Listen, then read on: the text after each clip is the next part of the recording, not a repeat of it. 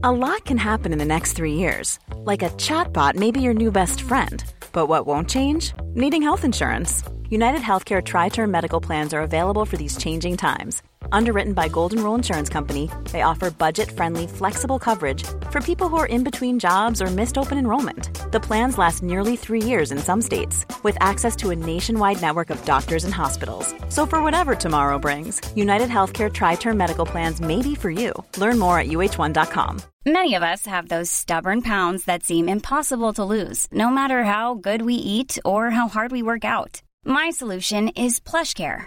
PlushCare is a leading telehealth provider with doctors who are there for you day and night to partner with you in your weight loss journey. They can prescribe FDA-approved weight loss medications like Wagovi and Zepbound for those who qualify. Plus, they accept most insurance plans. To get started, visit plushcare.com slash weight loss. That's plushcare.com slash weight loss. Hey there, it's Michelle Norris. I'm host of a podcast called Your Mama's Kitchen. When I travel, I'm usually looking for a way to find a taste of home when I'm not at home. And one of the things I love to do when I am at home is entertain. And Airbnb allows me to do that. When I was in California recently, I rented a house that had a great kitchen. And when we were sitting around the table, we're all thinking, we're in someone else's house. Someone could be in all of our homes as well. If you have a home, but you're not always at home, you have an Airbnb.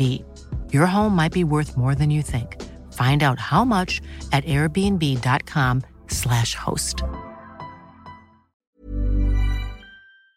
Henry läser Wikipedia.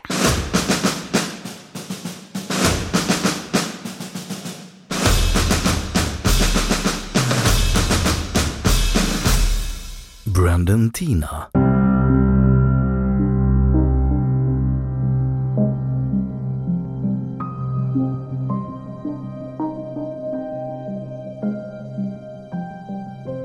Brandon Tina, främst kallad Brandon, född Tina Renee Brandon den 12 december 1972 i Lincoln, Nebraska.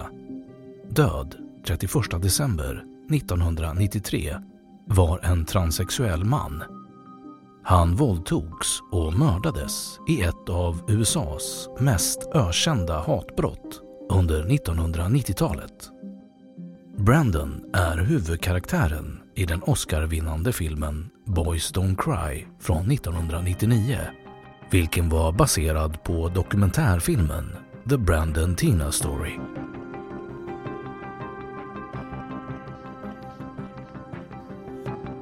Biografi. Barndom.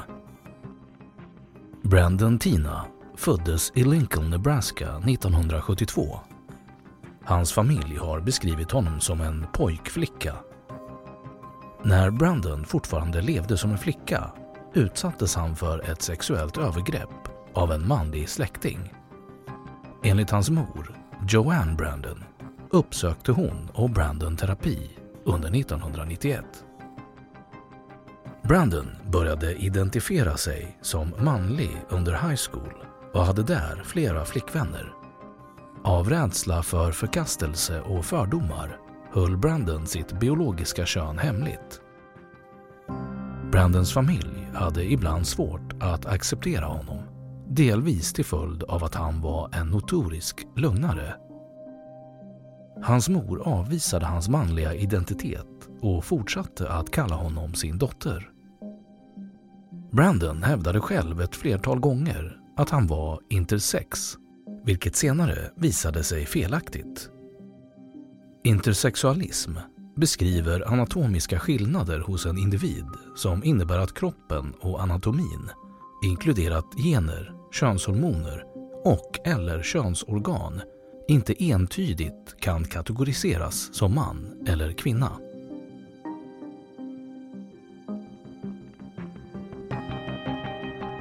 Falls City, Nebraska under 1993, efter att ha hamnat i klammeri med rättvisan, flyttade Brandon till Falls City i Richardson County, Nebraska, där han till en början endast kändes igen som man. Brandon blev vän med flera personer från Richardson County. Det dröjde inte länge innan han flyttade in hos en av dem, Lisa Lambert. Brandon började därefter uppvakta en av Lamberts vänner, Lana Tisdell, och umgås med dennas kompisar, tidigare fängelsedömda John Lauder och Marvin Tom Nissen. Nissen var gift och hade två barn. Lana och Lauder hade varit vänner sedan barnsben och hade haft ett förhållande flera år tidigare. Brandon blev också god vän med Philip Devine, en man som under denna tid inledde ett förhållande med Tistels yngre syster. Den 15 december 1993 arresterades Brandon för att ha förfalskat checkar. Tistel betalade hans borgen. Eftersom Brandon placerats på den kvinnliga sektionen i arresten förstod Tistel att han biologiskt var en kvinna. När Tistel konfronterade Brandon om hans biologiska kön sa han att han höll på att genomföra ett könsbyte inklusive en operation och hon lät sig nöjas därmed varpå de fortsatte att träffas. Brandons arrestering omnämndes i den lokala tidningen som även skrev ut hans folkbokförda namn, Tina Brandon. Hans vänner och bekanta i området fick på så sätt veta att han biologiskt var en kvinna.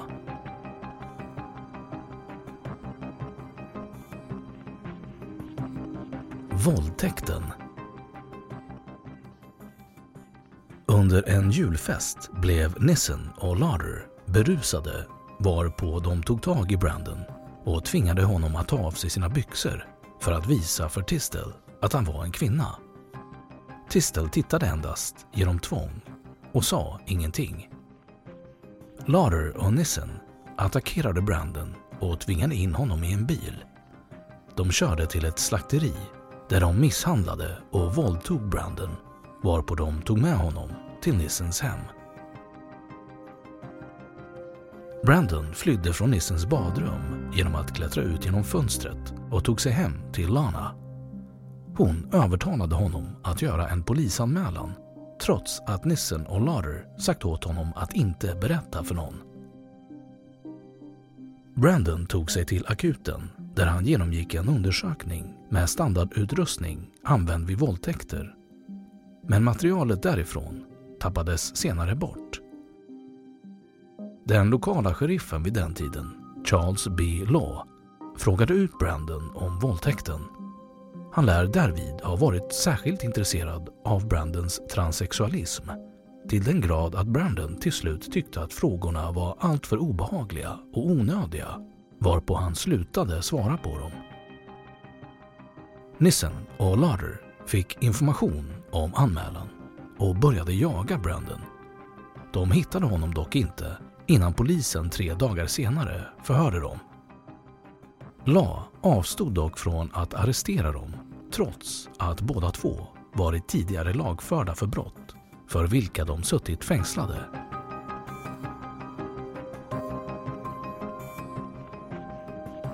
Morden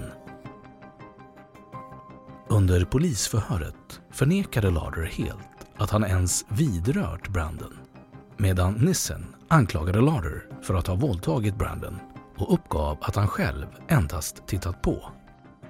De båda fortsatte efter polisförhören att leta efter Brandon som då hade återvänt till Lamberts hus. Nissen och Larder stal en pistol från en granne varpå de begav sig hem till Lana Tistel. Hon berättade för dem att Brandon inte var där och hennes mor talade om var de kunde hitta honom. Männen åkte hem till Lambert och tvingade sig in. De hittade Lambert i sängen och krävde att få veta var Brandon var.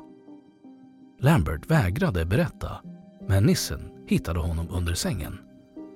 De frågade Lambert om någon annan var där, varpå hon talade om att även Philip Devine bodde hemma hos henne.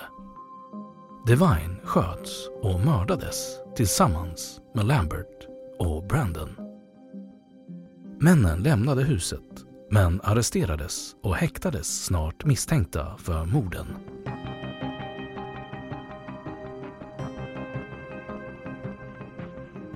Rättegång och straff Nissen anklagade först Lauder för att ensam ha utfört våldtäkten och morden. Senare erkände han att han varit medbrottsling i utbyte mot strafflindring. Nissen vittnade mot Lauder och dömdes till livstidsfängelse. Lauder fortsatte att förneka även efter Nissens vittnesmål. Juryn fann honom skyldig för mord och han dömdes till döden. Både Lauder och Nissen överklagade domarna.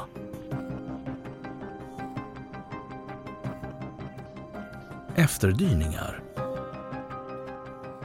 Eftersom Brandon inte genomgått hormonbehandling eller könsbytesoperation har han ibland refererats till som en lesbisk kvinna av mediala och andra skribenter. En del skriver dock att Brandon hade sagt att han planerade en könsbytesoperation. Joanne Brandon blev vansinnig på den lokala sheriffen Charles Law och anklagade honom för att ha misslyckats med att förhindra Brandons död samt vara en indirekt orsak till densamma. Hon stämde honom med anspråk på skadestånd, vann målet och tillerkändes 17 000 dollar i skadestånd. Sheriff Law kritiserades även av andra för sitt passiva agerande samt sin attityd mot Brandon. Vid ett tillfälle refererade Law till Brandon som ”det”.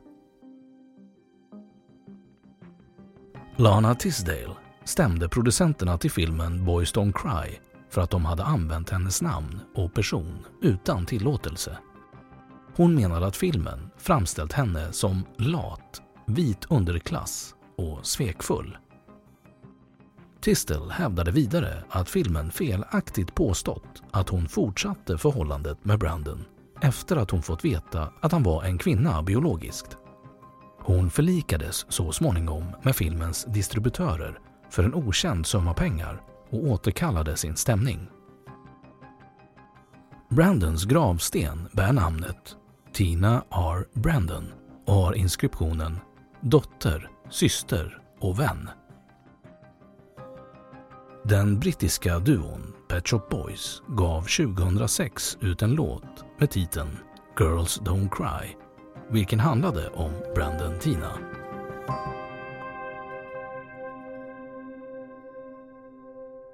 Då har Wikipedia sagt sitt om branden Tina. Have catch yourself eating the same flavorless dinner three days in a row? Dreaming of something better? Well, Hello Fresh is your guilt-free dream come true, baby. It's me, Gigi Palmer. Let's wake up those taste buds with hot, juicy pecan-crusted chicken or garlic butter shrimp scampi. Mm. Hello Fresh. Stop dreaming of all the delicious possibilities and dig in at HelloFresh.com. Let's get this dinner party started.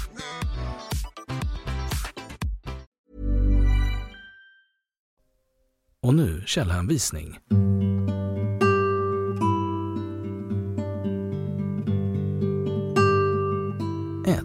Find a Grave, omnämnd som Brandon Tina, läs 9 oktober 2017. 2. Encyclopedia Britannica, Biography, Brandon Tina, Topic, Britannica Online. 3. Hämtat från engelskspråkiga Wikipedia. 4. Boys Don't Cry, IMDB, läst 7 december 2006.